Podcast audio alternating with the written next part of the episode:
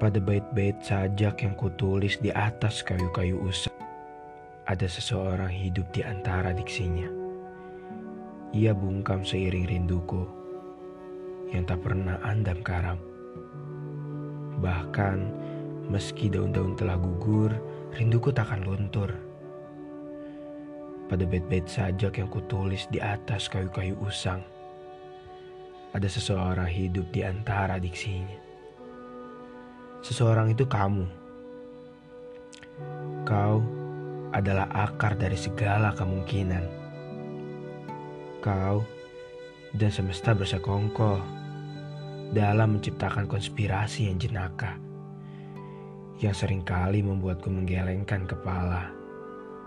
Tak jarang, aku dibuat dulu hancur dan koyak sebelum akhirnya menengadah malu saat melihat semua rentetan kejadian yang kau persembahkan.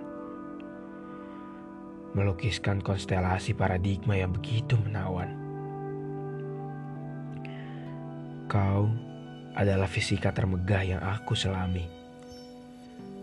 Lebih agung dari kucing Schrödinger, prisma Newton, maupun relativitas Einstein pemikiran tersulit yang tak terjamah oleh Socrates dan Aristoteles.